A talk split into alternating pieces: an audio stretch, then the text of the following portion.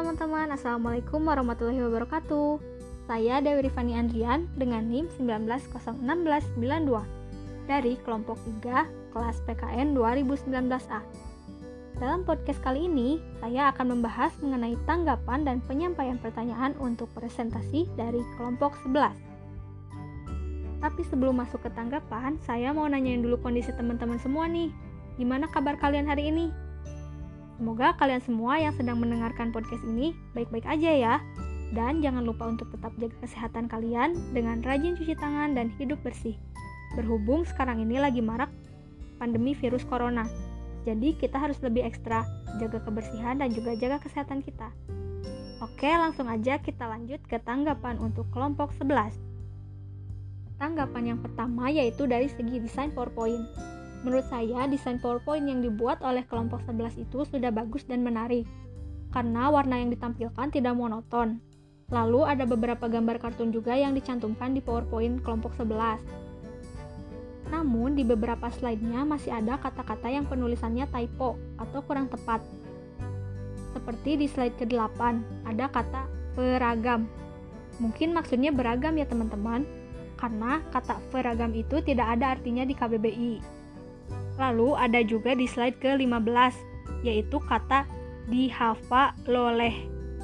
Mungkin maksud kelompok 11 itu dihafal oleh ya teman-teman. Nah, sarannya untuk kelompok 11, alangkah lebih baik jika ketika menulis PowerPoint, kelompok 11 itu tidak tergesa-gesa, supaya tidak ada penulisannya yang typo. Karena menurut saya, jika salah satu huruf saja, artinya bisa berbeda, bahkan tidak ada artinya. Lalu, tanggapan yang kedua dari segi pemaparan materinya. Menurut saya, dari segi pemaparan materi oleh kelompok 11 sudah bagus, baik yang dipaparkan oleh saudari Banafsaj maupun Rotu. Mereka memaparkan materinya dengan baik dan jelas. Nah, mungkin segitu aja tanggapan dari saya untuk kelompok 11. Kita lanjut ke pertanyaan untuk kelompok 11. Kalian pasti penasaran juga kan pertanyaannya apa? Nah, pertanyaannya yaitu menurut kelompok 11, dibandingkan pembelajaran secara langsung, apakah pembelajaran via media sosial ini sebetulnya lebih efektif?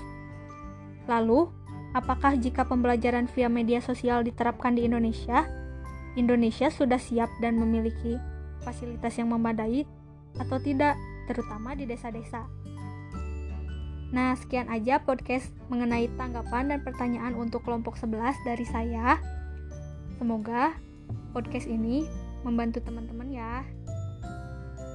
Nah, pertanyaannya yaitu, menurut kelompok 11, dibandingkan pembelajaran secara langsung, apakah pembelajaran via media sosial ini sebetulnya lebih efektif? Lalu, menurut kalian, jika pembelajaran via media sosial ini diterapkan di Indonesia, apakah Indonesia ini sudah siap dan memiliki fasilitas yang memadai, terutama di desa-desa? Nah, mungkin sekian aja podcast dari aku mengenai tanggapan dan pertanyaan untuk kelompok 11. Terima kasih teman-teman.